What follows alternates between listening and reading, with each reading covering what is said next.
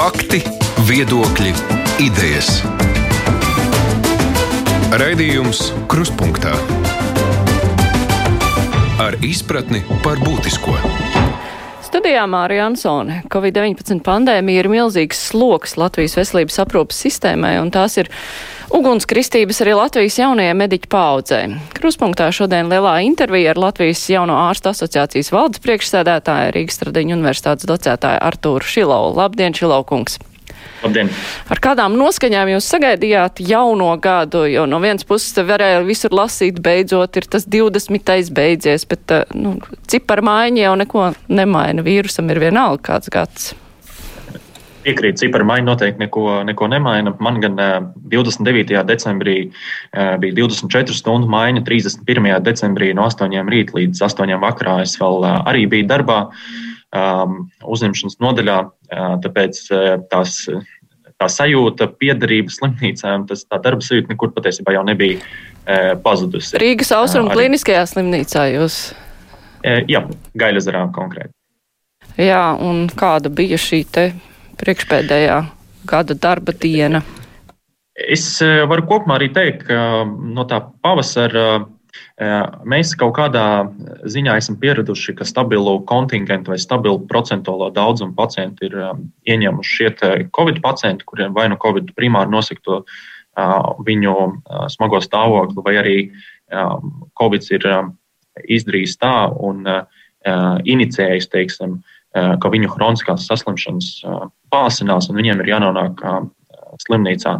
Un ar to tas procentuāli skaitlis tikai, diemžēl, aug ar šiem pacientiem, kas ienāk stacionāros.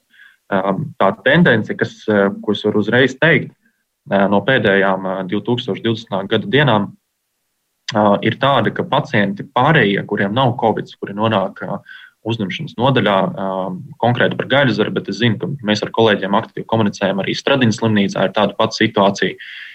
Šie pacienti nonāk diezgan smagos stāvokļos citu saslimšanu gadījumā.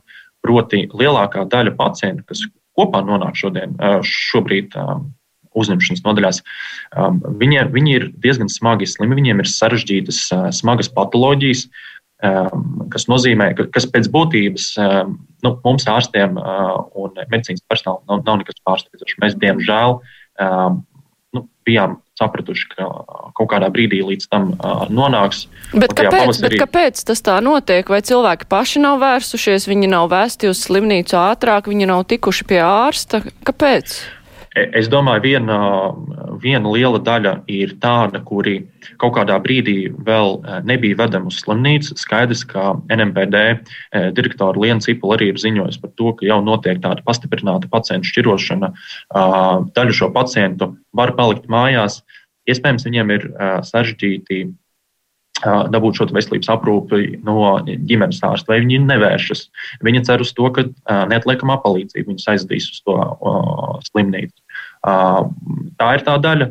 Un otra daļa, es domāju, ka daļa cilvēku noteikti ir ietekmēti ar, ar to, kas notiek publiskajā vidē, ar šiem visiem ziņojumiem, kas notiek slimnīcās.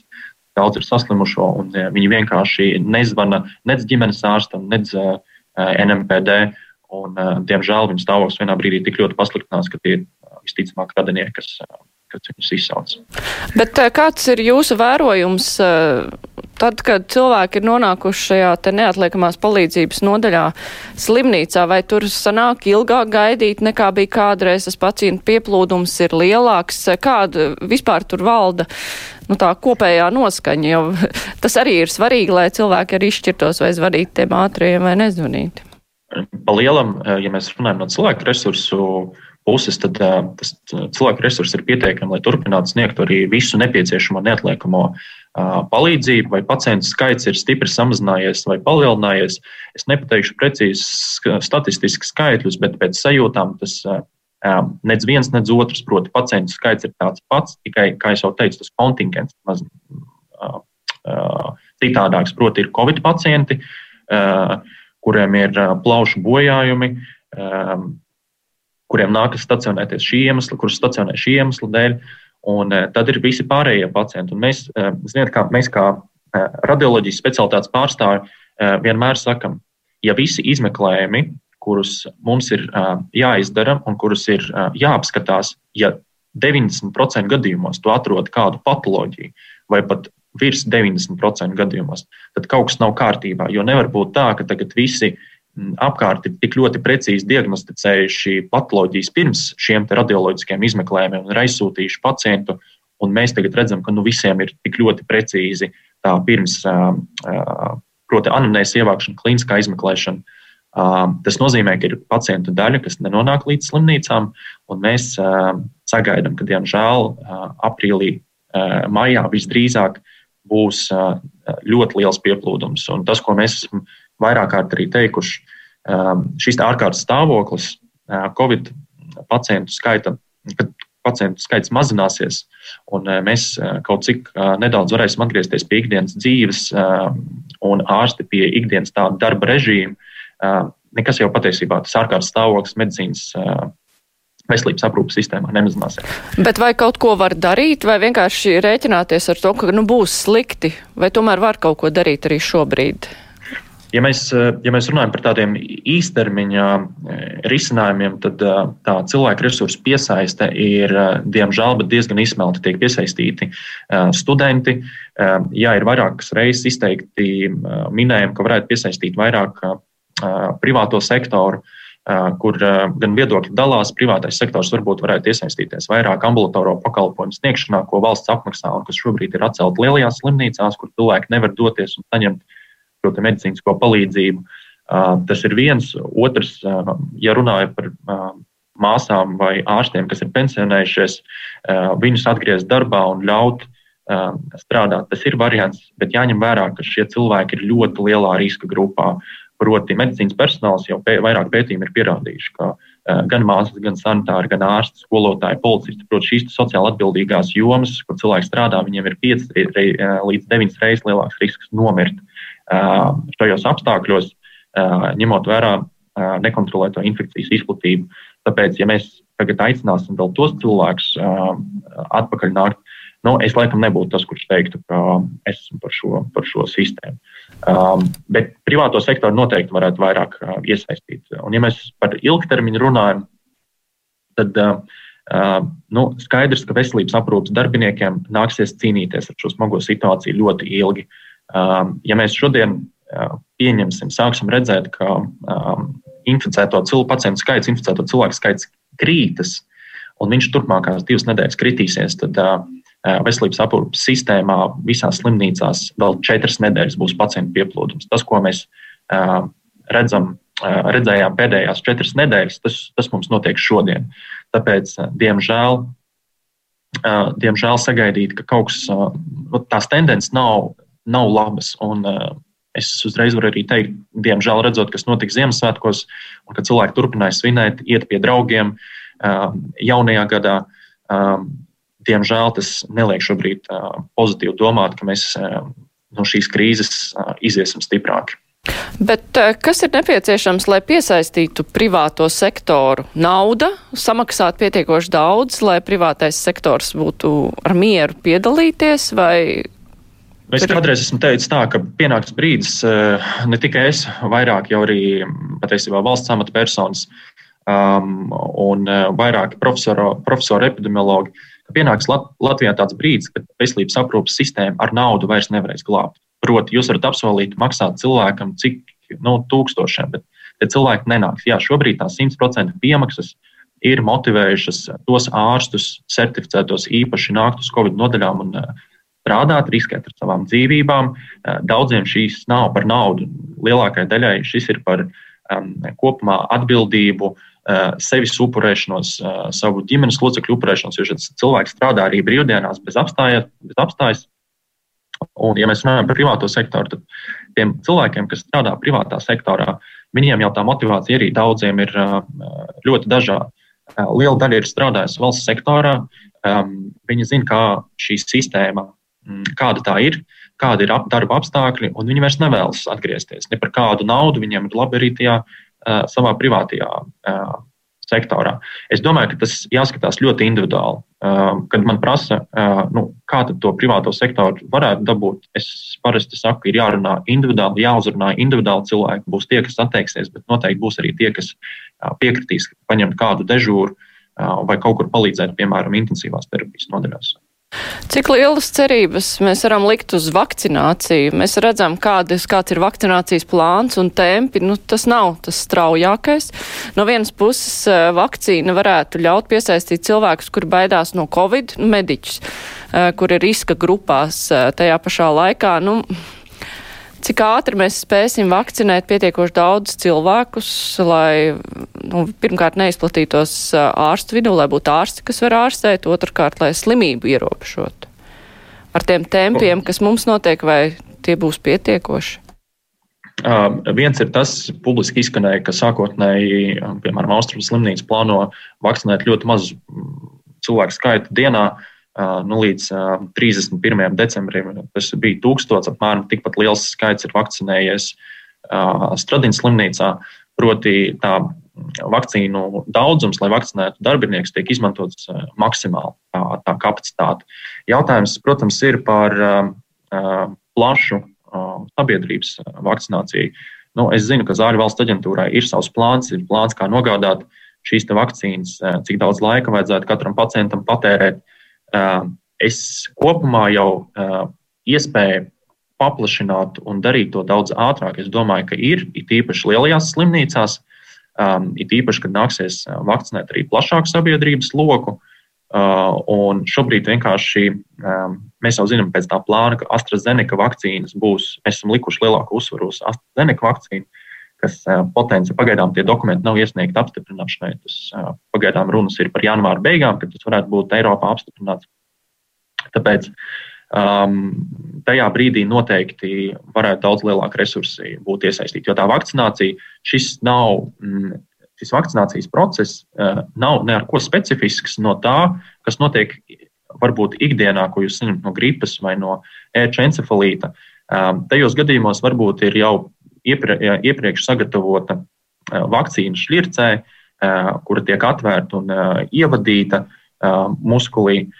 Šajā gadījumā vienīgā specifika ir tāda, ka ir jāatšķaida šis flakoniņš ar nātrija chlorīdu, un tajā flakoniņā iekšā ir piecas devas, ko vakcinācijas māsas ievelk un ievada katram vienu devu. Bet uh, tomēr ir arī mediķi, kuri ir piesardzīgi uz vakcinēšanos. Pareizāk sakot, nu tā kā nogaida, apstīsies, kā veiksies uh, kolēģiem, un uh, tad tikai vakcinēsies. Uh, sabiedrībā attieksme ir vēl tāda dažādāka. Ir cilvēki, kuri vienkārši baidās no jebkāda veida vakcīnām, ir kuri mm, sazvērstības teorijām pakļaujas, ir kuri labprāt vakcinētos, bet nu, viņiem rinda pienāks uh, nezinu kāda vai. Nu, mēs varam vakcinēt ar šādiem noskaņojumiem pietiekoši daudz cilvēkus, lai uzskatītu, nu, ka eh, sabiedrība ir pietiekoši imūna pret vīrusu? Nu, viena sākotnēji ir jāsaka tas, ka šī vakcīna, kas mums ir apstiprināta un pieejama, šī Pfizer BioNTech vakcīna, viņa ir izgājusi visus nepieciešamos klīniskā pētījuma fāzes. Tas ir viens. Viņa ir pārbaudīta uz drošumu, jautājums, vai šī vakcīna ir droša. Jā, tā vakcīna ir droša. Kā jebkurai vakcīnai, pastāv minimāls risks kādai blakņu reakcijai, bet tas nav lielāks kā vidēji vakcīnām, lai tagad pēkšņi kāds teiktu, nē, nē, nē mēs, mēs nevakcinēsimies. Tas ir viens. Otrs, cilvēki ļoti baidās. Arī ārstu vidū ir tādi cilvēki, kas uzskata, ka šī vakcīna ir jaunās paudzes vakcīna, tā ir balstīta uz tā saucamās mRNS, messenger RNS, kas ir ribonuklīna skābju daļiņa, un otra vakcīna AstraZeneca ir balstīta uz DNS, un ka kaut kādā veidā tiks ietekmēti procesi šūnās. Šobrīd, un viss pētījumi pēdējos 20, 30 gadus pierāda, ka tā īsti nav. Nav norādīts, ka šīs vakcīnas varētu uh, kaut kādā veidā integrēties mūsu šūnu DNS un mainīt kaut ko un ilgtermiņā ietekmēt. Cilvēkiem liekas, nu, pagaidiet, bet vakcīnas ir tikai divus mēnešus pārbaudītas. Tas ir viens no pamatprincipiem. Ja šajos divos mēnešos nerodas nekādas uh, uh, dzīves kvalitāti ietekmējošas būtiskas uh, blaknes, tad uh, risks, ka kaut kas notiks uh, pēc tam, ir ļoti minimāls. Un šajās vakcīnās tas ir uh, pierādīts. Tas ir iemesls, uh, kāpēc, piemēram, jaunie ārsti, lielākā daļa, es nepazīstu nevienu jauno ārstu, kurš uh, būtu pateicis, es nevakcinēšos, jo man ir kaut kādas šaubas. Mēs esam mācīti tā saucamajā evidence-based medicīnā, proti, uz pierādījumiem balstītā medicīnā. Tas nozīmē, mēs vadāmies uz tā, kas ir pierādīts plašā lokā, kas ir apskatīts no dažādu profesionāļu puses. Tās ir publikācijas, kas ir izgājušas cauri ļoti striktam procesam, un mums nav nekādu šaubu par šo vakcīnu drošumu. Jā, paliek jautājums, par ko, uz ko jums droši vien neviens šobrīd neatbildēs, varbūt tikai minējumi, cik ilgi tā tās antivielas no vakcīnas saglabāsies. Pagaidām gribētos ticēt jau, ka tas būs ilgstoši, bet neviens arī nevar izslēgt, ka um, nenāksies vakcinēties katru gadu. Es pats personīgi varu pateikt, ja nāksies to darīt katru gadu, es to esmu gatavs darīt. Es neesmu gatavs pakļaut sevi, vai mani radinieki arī visi ir gatavi vakcinēties.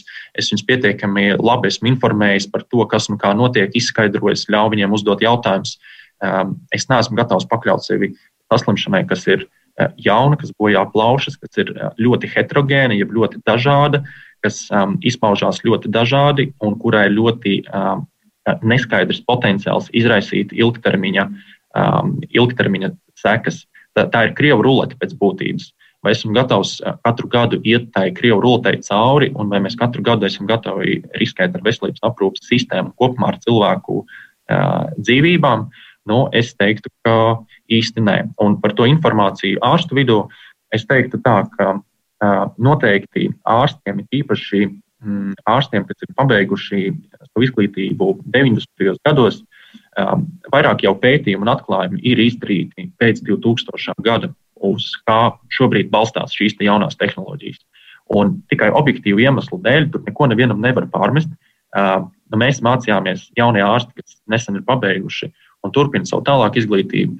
Mēs mācījāmies molekulārās bioloģijas pamatus, šūnas uzbūvi, šūnu procesu. Un, jā, mēs uzskatām, ka arī tagad ārstiem pārējiem vajadzētu tāds informatīvos materiāls, kur ir pastāstīts, kā ļoti vienkāršā valodā, nemedicīniski sarežģītos terminos paskaidrot, jo tas nav jau tik ļoti grūti.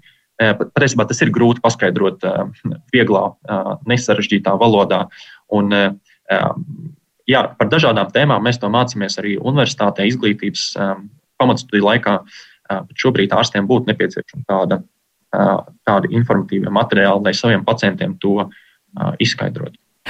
Uh, ir cilvēki arī, nu, pārsvarā internetu vidē mēs to redzam, uh, kuri ir saštus par to, ka būs obligāta vakcinā, vakcinācija, ne vakcinēšana, bet, uh, protams, obligāti nevienu vakcinēties nepiespiež. Tajā pašā laikā cilvēki baidās, ka viņiem būs liekt uh, iespēja kaut kur strādāt, ja viņi nebūs vakcinēti, bet uh, vakcīna jau ir nepieciešama, lai pasargātu sevi, nevis citus, jo cilvēks, kurš ir vakcinēts, viņš jau tāpat var saslimt. Tikai viegli. Te, te ir stāsts par pētījuma modeli, kāds ir izvēlēts vakcīnām. Šī Pfizer BioNTech vakcīna, kad viņi ir pārbaudījuši klīniskajos pētījumos, ir vakcinējuši cilvēkus, tad viņu jautājums, pētījuma, pētnieciskais jautājums bija tāds, vai cilvēks, kurš ir vakcinēts, smagi saslims. Un viņi pierādīja, ka cilvēks, kurš ir vakcinēts, viņš nesaslims ne vidēji smagi, ne smagi, proti, ar 95% varbūtību, un ka tā vakcīna ir efektīva attiecībā uz saslimšanu.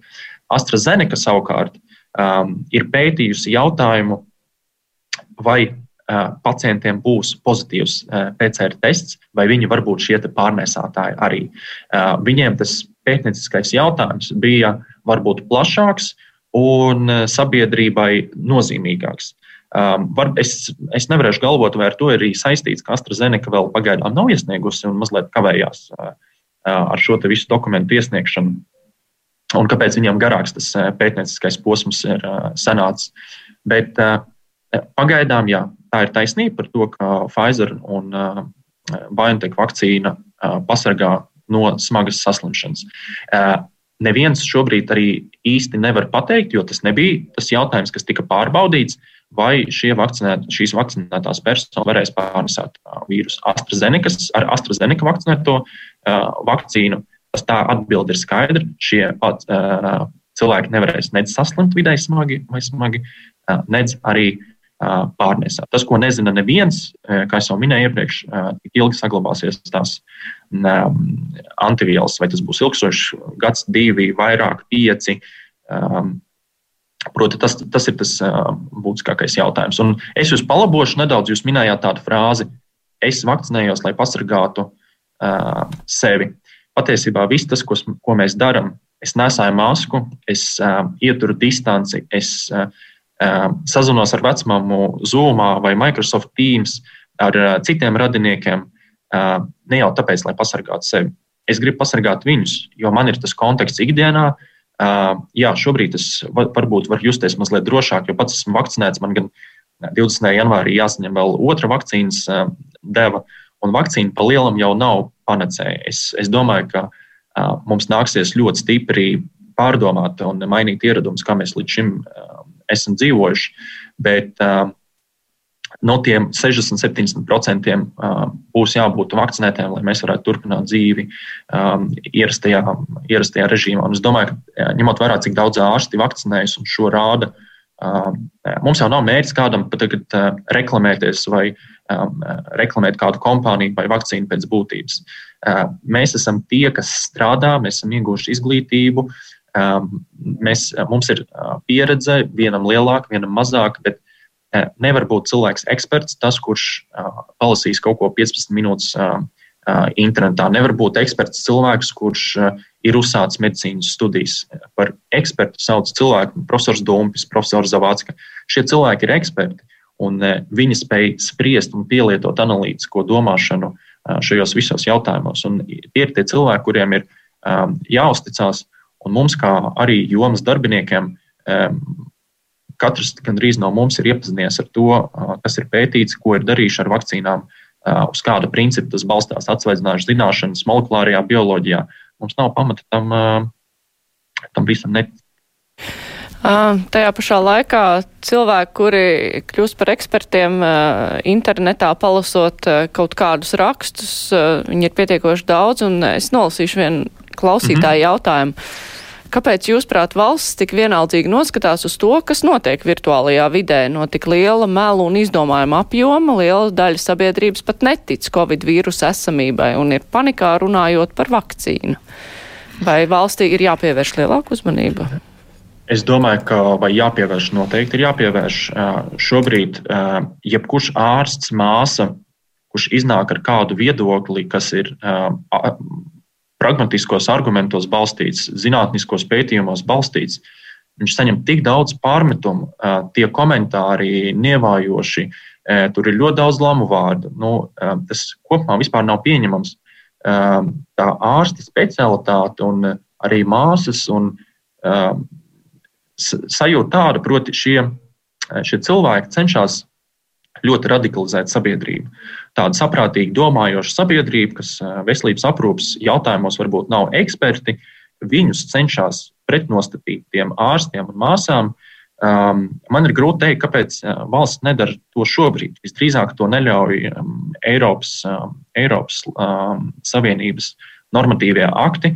Um, arī Latvijas visdrīzāk normatīvie akti to neļauj, jo mums um, ir demokrātija, kā mēdz šie cilvēki teikt, mums ir iespēja izteikties un dalīties viedokļos un izteikt savas pārdomas, bet, diemžēl, ļoti bieži šīs pārdomas, viedoklis vai jautājumi, kas tiek uzdoti un uzvedināts uz uh, pārdomām un konspirācijas teorijām, uh, šis viss robežojas, uh, tā vairs nav demokrātija, tas robežojas ar kaitniecību pret otru cilvēku, pret otru sabiedrības locekli, jo Te, te ir jautājums, vai, vai teiksim, arī kontekstā ar ierobežojumiem.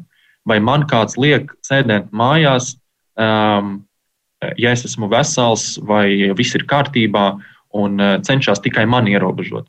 Nu, ne jau mērķis ir ierobežot uh, to konkrēto cilvēku. Mērķis ir panākt to, ka šis cilvēks uh, neaplipina ar infekcijas slimību pārējos. Un te ir jābūt tomēr balansam. Demokrātija ir par balansu. Tas, tas nav tā, ka katrs tagad var iziet ārā un stāstīt, stāstīt to, kas neatbilst nekādam, nekādai patiesībai. Tomēr arī no mediķu, atsevišķu mediķu puses nāk tāda pretrunīga uztverama informācija no tādām galējībām, kā bēdīgi slavenā Felčera Marina, ar ko nāca klajā. Arī Pēters Sapins tiek kritizēts daudz par saviem izteikumiem saistībā ar ierobežojumiem un nu, to, uz kādām lietām viņš liek akcentus. Nu, kāpēc tā notiek? Cilvēki ar izglītību, cilvēki, kuriem vajadzētu saprast. Ziniet, viens, viens, protams, ir jāsaka ne konkrēti par šiem cilvēkiem, varbūt, bet kopumā, nu, jā, vidēji veselības aprūpas darbinieki ir izglītotāki, ar, ar lielāku pieredzi šajos jautājumos, bet ne jau tā, ka mēs esam tās, tā ideālākā sabiedrība, kur visi pārzina visus pētījumus, interesējas par visu aktuālāko un ļoti labi orientējos visos jautājumos. Nepavēlties pieminēju divus, divus profesorus, kuri, kuri ir mums, jauniem ārstiem, personības un tie eksperti, kuriem jāuzticas.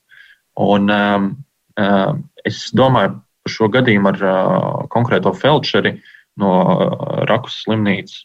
Um, daudz, starp citu, joprojām domā, ka tā ir kāda sazvērstības, sazvērstības teorija pret viņu, ka pie viņas ir um, bijusi policija un vedusi uz iecirkni. Um, es domāju, ka tur apakšā ir kāds uh, plāns un kāds um, tur ir mērķiecīga darbība uz sabiedrības destabilizāciju. Nekāda citādāk es to uztvert nevaru, jo tās aplamības no medicīnas zināt, bāzes zinātņu puses, tās aplamības, ko viņi ir stāstījuši, nu, tas neiet nekādā veidā kopā. Kāpēc viņi tā ir izdarījuši? Nu, es domāju, ka tas ir darbs policijai un drošības policijai atrast tos iemeslus, kāpēc tā ir. Ja mēs runājam par pārējiem ārstiem, kas šādi um, cenšas mm, rast uh, kaut kādas domas cilvēkiem, um, Nu, Eiropas valstīs ir piemēri, kur uh, dažiem ārstiem ir izsaukt uz ētikas komisijām, uh, kuriem ir uh, uzsākts jautājums par certifikātu atņemšanu. Un, tas, kas ir jāsaka, nu, ir arī ārsti, kas varbūt nav, nestrādā attiecīgajās specialitātēs, vai nu viņi vai nestrādā um, slimnīcās vairāk.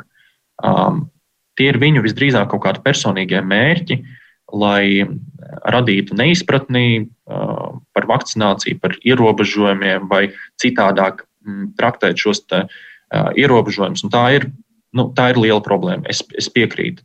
Un tas visdrīzāk būtu arī jārisina, jo nedrīkst būt tā, ka ārsts, kuram ir certifikāts, kurš ir praktizējošs, um, kurš, jo medicīna mūs, mūsdienās balstās uz šīs evidence-based, jeb uz pierādījumiem uh, balstītiem principiem.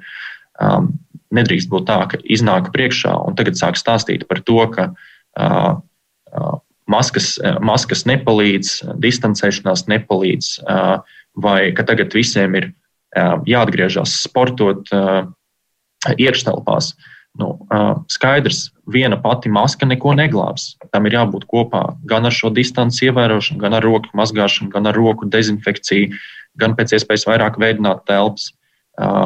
Tas um, parasti cilvēki ļoti bieži pieķerās pie šīs vienas frāzes: nesāja masku, tik un tā ir saslims, un nekā, nekādā veidā maska uh, nepalīdz.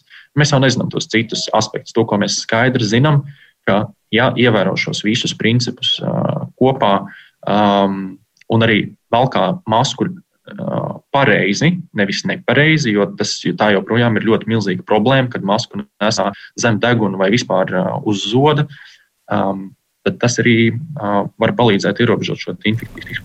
Nu, zem deguna un uz zoda tas jau vairāk izstāsta pēc tādas pozas demonstrēšanas, ka man ir maska, bet uh, tā teikt, es viņu principiāli nenēsāju. Bet uh, jauno ārstu asociācija vēl netik sen izteica neizpratni par uh, veselības darbinieku arotbiedrības uh, šo te kongresu klātienē, ko rīkoja.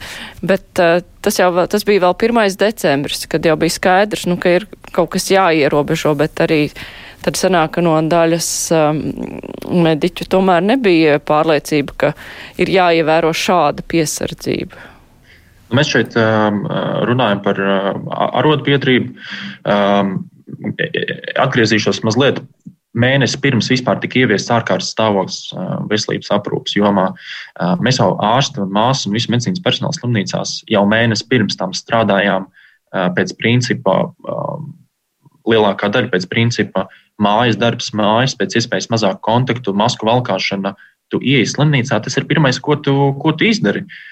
Tu uzvelc masku, te līdz ģērbtuvei pārģērbties slimnīcas drēbēs. Tur visu, visu laiku jau esi maskā, un to masku vai arī respiratoru tu novelc tikai brīdī, kad tu e, izej ārā no uh, slimnīcas un uh, tie kontaktu ierobežošana.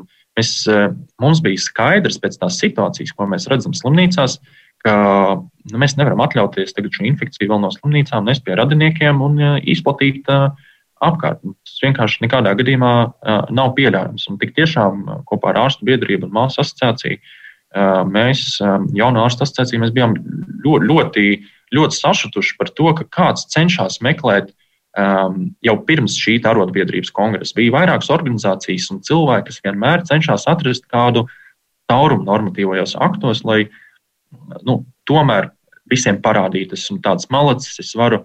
Um, uh, Es tomēr man, es drīkstu šo darīt, un es to, es to darīšu. Nu, laikam tas ir tas, ar ko mēs atšķiramies no tās pašas Norvēģijas, kas ļoti veiksmīgi ir tikusi bez stingriem ierobežojumiem, uh, ja tiek pateikts un paskaidrots, ka šis vīrus ir bīstams un ka vienīgais veids ir šīs pasākumu komplekss, par ko es pirms pāris minūtēm runāju, plus arī vakcinācija, tad mēs varam tikt šim pāri, un cilvēki ir saprotoši. Viņi, viņiem nav iekšēji tās vēlmes kaut ko pārkāpt un meklēt, meklēt caurumus.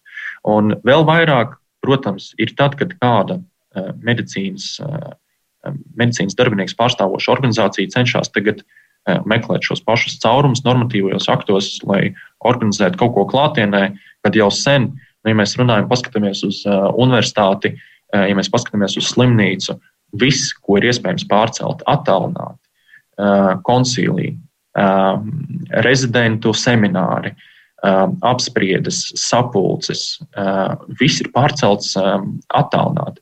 Un, Nu, es, diemžēl, neredzu, neredzu argumentus. Mums, kā medicīnas darbiniekiem, ir jābūt tam galvenajam, galvenajam piemēram. Ja mēs visus aicinām ievērot um, ierobežojums, valkāt maskas, ieturēt distanci, proti, visus šos pasākumus, mums ir jābūt tam galvenajam piemēram un sabiedrībai attiecīgi tam ir jārada uh, uzticības sajūta. Proti, uh, nevar būt tā, ka pēkšņi tagad visi medicīnas darbinieki ir izdomājuši, ka viņi piedalīsies tajā sazvērstības teorijā vai kāds, kuram kaut ko jā, ir samaksājis. Mēs jau bieži, bieži jokojam, parādiet, kur tā nauda ir, kur mums, kur mums maksā.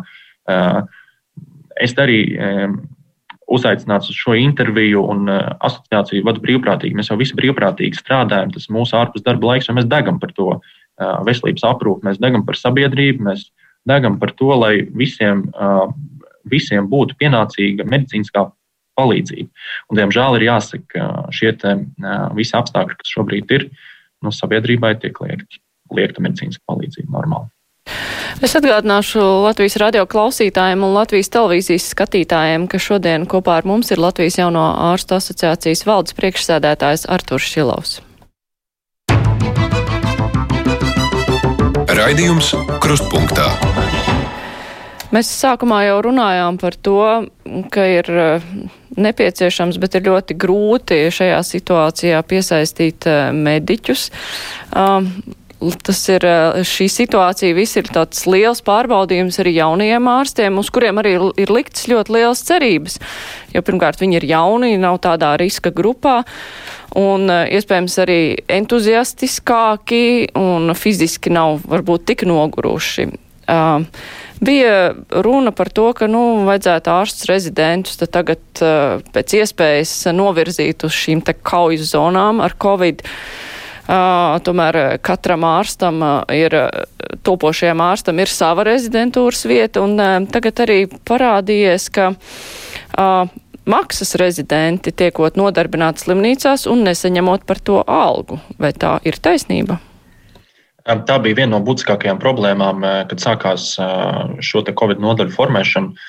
Un mēs sapratām, ka it īpaši, es paskaidrošu klausītājiem, ir pamatā Covid nodaļās strādā jau rezidenti. Tie ir terapijas profili, terapijas speciālitāšu rezidenti, internisti, nefrologi, endokrinologi, pulmonologi, kardiologi. Un tad mums ir ķirurģiskās specialitātes, kas turpina darbu savā specialitātēs vai daļēji jau palīdz strādāt, strādājot šajās Covid nodaļās. Un tad, kad tas viss sākās, tad parādījās jautājumi, ja mums Latvijā eksistē šī maksas rezidentūra, kas pēc būtības divos teikumos skaidrojot, ir, tu iegūsti izglītību par maksu, izējot klīnisko praksi lielajās universitātes slimnīcās. Tu maksā par iespēju strādāt un ārstēt pacientus. Vai tas ir vispār adekvāti? Es un asociācija un kopumā mēs uzskatām, ka tas um, nav pamatot, tam no tā vispār ir jāiet uh, prom. Mēs, mēs par to esam vairāk kārt arī runājuši. Un, tad um, mums bija nepieciešams tāds īstermiņa risinājums, lai šie cilvēki, kur ir maksas rezidentūrā, um, saņemtu atalgojumu, saņemtu piemaksas. Šobrīd tas jautājums ir atrisināts. Šie rezidenti saņem uh, gan uh, samaksu par savu darbu Covid nodaļās, gan visas nepieciešamās, uh, visas paredzētās piemaksas 100% apmērā. Uh, tas tā cita lieta, šie maksas rezidenti turpina maksāt par savu rezidentūru. Viņiem šī maksas darbs Covid nodaļā tiks,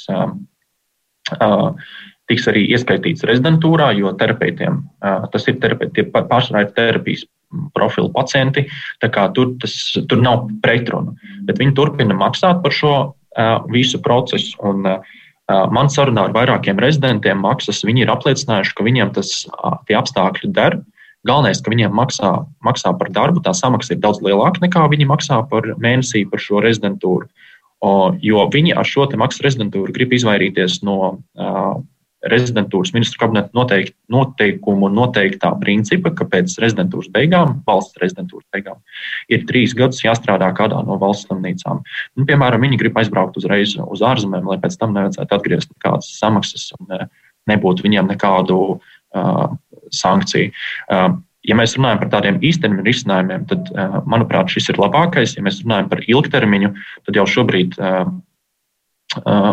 mēs esam pacēluši jautājumu par to, ka vajadzētu stip, daudz ātrāk paaugstināt valsts finansētās rezidentūras vietas un iet prom, proti, mazināt šīs maksas rezidentūras vietas un atstāt tikai specifiskiem gadījumiem. Ja cilvēks, piemēram, tiešām zina, ka viņš brauks uz ārzemēm strādāt un tad viņš grib samaksāt, jo ir jau gadījumi, kad patiesībā tiek pabeigta valsts rezidentūra.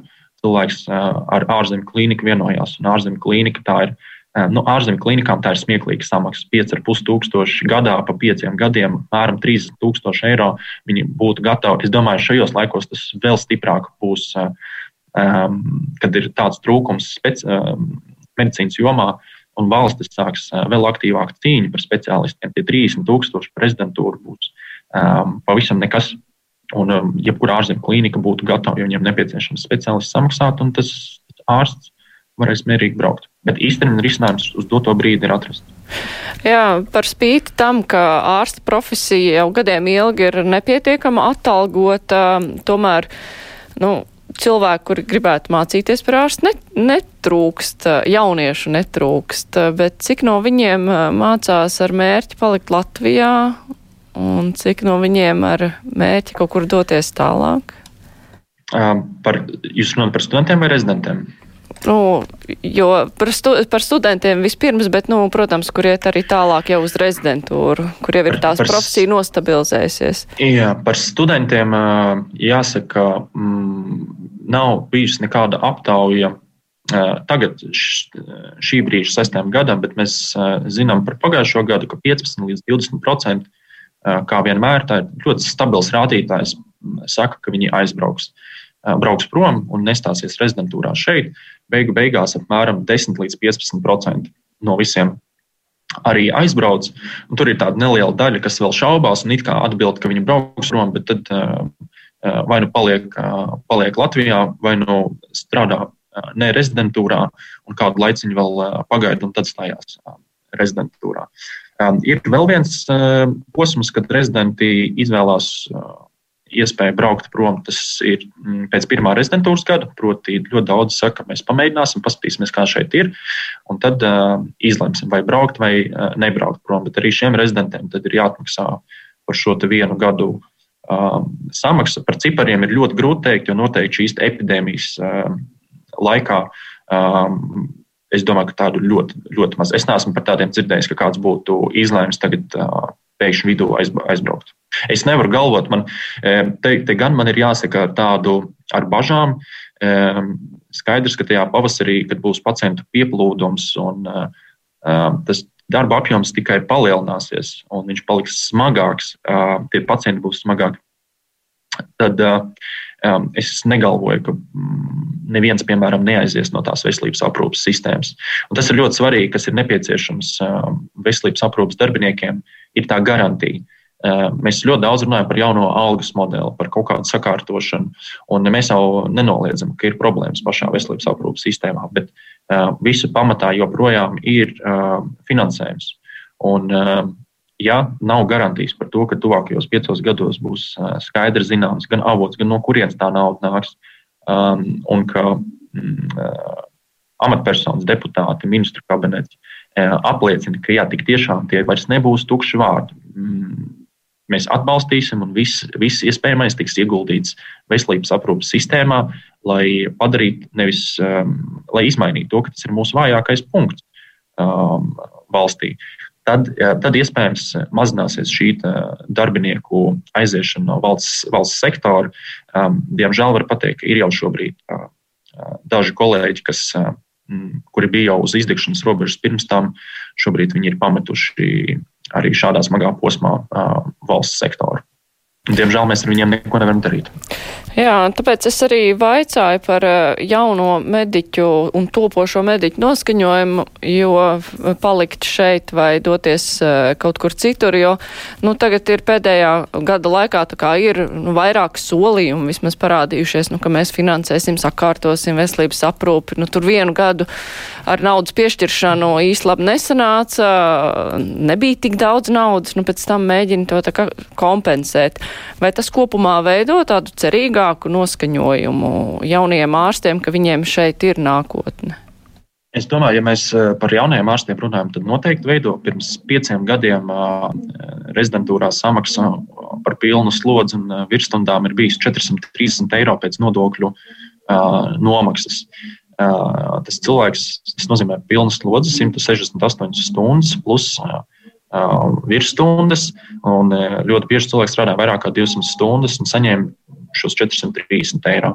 Ar nākamā gada pielikumu, kas ir plus 25%, tad šī alga rezidentiem būs apmēram mazliet zemāk par 1000 eiro jau uz rokas. Tas nozīmē, ka piecos gados um, rezidentiem alga ir pieaugusi ļoti strauji. Uh, ļoti strauji ir um, paaugstināta minimālā alga māsām. Um, vai varētu vēl straujāk, nu vienmēr jau vēl, vēl ātrāk un vēl vairāk, bet uh, arī ārstiem tā minimālā alga ir uh, pacelta. Um, jā, tur varbūt ir kaut kāda daļa uh, naudas, kas nav uh, neatbilst uh, solījumiem, teiksim tā. Um, bet diemžēl um, tā sliktā ziņa ir tāda, ka ar šo viss ir beidzies. Mēs, ja mēs skatāmies uz 22. gadu un uz turpmāko visu periodu un jaunu algu modeli, jeb rekomendācijām, kā ieviest šo algu modeli, um, tur ir uh, cipari, tur ir skaidrs finansējums, bet uh, neviens jau nav garantējis, ka finansējums uh, būs vai no kurienes tas nāks. Tā ir tā būtiskākā uh, bažas. Uh, bet šīs Um, palielinājums algām pēdējos gados, es domāju, ka jauniem kolēģiem noteikti ievieš cerību, ka te ir jāpaliek. Uh, jā, ir smagi arī pašiem, tad, kad katru gadu ir jācīnās par katru to solījumu. Un es jau šobrīd varu noteikti pateikt, veselības aprūpas darbinieki nebūs gatavi šim, ņemot vērā visu šo Covid pandēmiju. Man nav ilūziju, nav īsti variantu, kā vēl nepieciešams politiķiem, deputātiem, ministru kabinetam pierādīt un parādīt, ka tas ir mūsu vājais punkts. Mūsu šobrīd kapacitāte īsti slimnīcās nav sasniegusi tik daudz stacionētais pacientus, cik vidēji Eiropā. Tas tikai parāda to, cik mēs visus šos pēdējos gadus esam nelīdz galam finansējuši sistēmu, neusturējuši to. Un nevar jau teikt, ka mums ir kaut kādi nenormāli skaitļi ar pacientiem. Kā jau teicu, mums pat nav vidējie, kas ir Eiropā slimnīcās uz 100 tūkstošiem iedzīvotāju. Tikai parāda to, ka mums nav tās kapacitātes. Mums nav to ne cilvēku resursu, nu, pamatā jau cilvēku resursu. Un, uh, es nezinu, kā vēl parādīt. Es domāju, ka deputātiem un ministru kabinetam ir jābūt skaidram tagad, uh, kā nevienam, ka šī ir joma, kura ir jāfinansē. Mēs no savas puses arī vairāk kārt esam teikuši, mēs esam gatavi piedalīties um, procesu maiņās, proti, šis algas modelis. Mēs esam ļoti aktīvi piedalījušies tā izstrādē. Um, mēs um, esam veselības ministrē teikuši, ka mēs arī uh, atbalstam šo slimnīcu uh, līmeņošanu un uh, ar skaidru medicīnisko pakalpojumu definēšanu, kur kas kādā veidā notiks. Un skaidrs, ka veselības aprūpē jau ļoti daudz ir lobby, ir ļoti daudz dažādu grupu, kas cenšas kaut ko ietekmēt un panākt sev par labu. Un ar to veselības ministrijai un veselības ministrijai kopumā, neatkarīgi no tā, kurš to vada, ir savā ziņā jācīnās. Bet, mēs, mēs kopā ar ārstu biedrību un māsu asociāciju um, esam par to, lai būtu caurspīdīgi un lai mēs uh, galvenokārt jau sabiedrības uh, um, katra iedzīvotāja dēļ uh, ieguldītu tajā veselības aprūpas sistēmā un uh, veselības pakalpojumu uzlabotos. Bet vai problēma ir tikai naudas atalgojumā, nepietiekamībā, vai arī ir kaut kādas nu, sistēmiskas problēmas, kāpēc jaunajiem ārstiem varbūt ir grūti ielausties sistēmā, atrast savu vietu? Vai tādas problēmas arī ir? Tā noteikti ir. Atkal tas sasaistās ar šo algu modeli, jo atkal divos, trijos teikumos algas modelis nav nekas jauns. Tie ir bāzes principi, kā organizēt um, darbu. Jautājums numur viens - saprast, kas ir tas. Um, uh, kas ir tas apjoms ar pacientiem, ar manipulācijām, ko mēs uh, darām? Um, jautājums numur divi - cik slodzes ar ārstiem, māsām uh, un arī vidējo personālu, arī sanitāriem, ārstu palīgiem mums ir nepieciešams, lai šādu apjomu, ko mēs darām, izdarītu. Un vairākās nodaļās pilotu projektu veidā šis ir izstrādāts, un tas ir parādījis skaidru tendenci. Tur, kur ir skaidri noteikts, ko mēs un cik daudz darām, cik daudz mums personāla ir nepieciešams, tur parādās, ka mums personāla pietrūkst. Mums ir vairākas slodzes, ko mēs varam piedāvāt. Tās ir vietas, ko var, nu, kurš cits viņas ieņems tās slodzes. Nu, tie jaunie ārsti, kas pabeidz, pabeidz rezidentūru. Jo no, nu, ja tā nodaļa nevarēja piesaistīt citus ārstus, mm no nozarē, ja viņas vienkārši nav. Tad, tad mēs ejam šo rezidentūras ceļu. Mēs izmācām jaunos speciālistus, viņi paliek Latvijā un strādā, un viņiem pretī ir skaidra norāde par to, ka viņi šeit tiek, tiek gaidīti. Mēs, kāds varētu uzreiz oponēt un teikt, pagaidiet, kā tad jūs strādājat, vai nu, tur, kur nav skaidrs, cik daudz jūs darat un cik daudz cilvēku to vajag, lai to izdarītu. Um, jā, tas būtu, būtu jēdzīga kritika, Bet ir jāsaprot, ka apstākļos, kad ir nepietiekams finansējums, nu, tas ir deformējis ļoti stipri to sistēmu. Eh, deformējis arī um, visu veselības aprūpas sistēmas uh, administrāciju. Un šobrīd nu, es, uh, es un kolēģi domājam, ka tas ir viens liels, uh, uh, patiesībā viens darbs, bet uh, viens tāds uh, izmaiņa. Uh, šī algu modeļa, jauna algu modeļa ieviešana, kas varētu arī ļoti daudzas lietas atrisināt. Tas būs milzīgs solis. Latvijas jauno ārstu asociācija ir dibināta jau diezgan sen, tajā tomēr mēs tā kā vairāk par to dzirdam pēdējos gados, vēl jūs priekšgājēji kā ar rāciņu laikā. Kāpēc jūs uzņēmāties šos pienākumus? Jaunie ārsti saprata, ka ir beidzot pienācis laiks izdūri galdā, kaut ko panākt? Ja mēs runājam par to nomaiņu, kad Kārlis Rācens ar savu komandu pārņēma, tad um, patiesībā sakot, tas jau bija arī tāds krīzes, uh, krīzes laiks, kad ģimenes ārstī paziņoja par streiku un uh, tika piedāvāts uh, novirzīt visus rezidentus, uh, veikt uh, šos pašus pienākumus, ko ģimenes ārsti dara, um, jo visi ģimenes ārsti bija ielās. Uh, Un eh, tad pacientu pieplūdums tika sagaidīts, sagaidāms um, lielajās slimnīcās. Un tad bija jautājums par to, kurš tad mūs visus pārstāv, kurš tad uh, būs tas runātājs un kādā veidā mēs nonākam pie vienotā viedokļa. Un, um, rezultātā uh, uz to brīdi bija aktīvi, aktīvi rezidenti, kuriem, uh, kā jau teicu, viņi deg par sistēmu, viņiem rūp, kas notiek. Un um, četrus gadus viņi ir nostrādājuši. Es pievienojos šai komandai 4. pēdējā gadā, uzreiz iestājoties prezidentūrā. Par to pašu motivāciju. Ziniet, tas ir diezgan banāls. Nu, man, mana atbilde ir diezgan banāla. Man rūp, tur, kur es dzīvoju, man rūp, ko, kas notiek man apkārt, kas ir manā darba vidē, kas, kas ir um, apkārt slimnīcā. Un, uh, Um, es nevaru tagad risināt globālus varbūt, jautājumus, kā pats personīgi, kā ārsts, risināt globālus jautājumus valsts līmenī, bet man ir iespēja ietekmēt, kas ir man apkārt.